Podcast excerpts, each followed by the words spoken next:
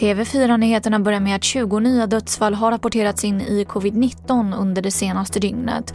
Och totalt har 6 022 personer i Sverige nu avlidit i sjukdomen.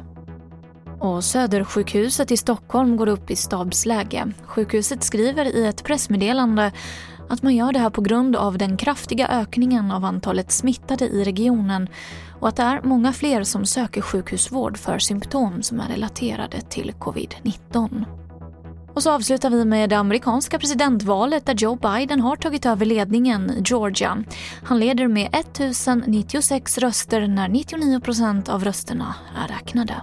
Om det är tillräckligt mycket för att slå fast när det står 100 procent, att slå fast att det är eh, klart, det, det vågar jag inte ha någon uppfattning om beroende på igen, det var inne på utlandsrösterna och de här otydliga, oklara eh, valsedlarna som måste kollas lite bättre. Men de ska ju sen räknas och om de är in, inkluderat i det här, det, det, vet vi inte heller. Det sa Rolf Porseryd som är utrikespolitisk kommentator. Och det var det senaste från TV4 Nyheterna. Jag heter Emily Olsson.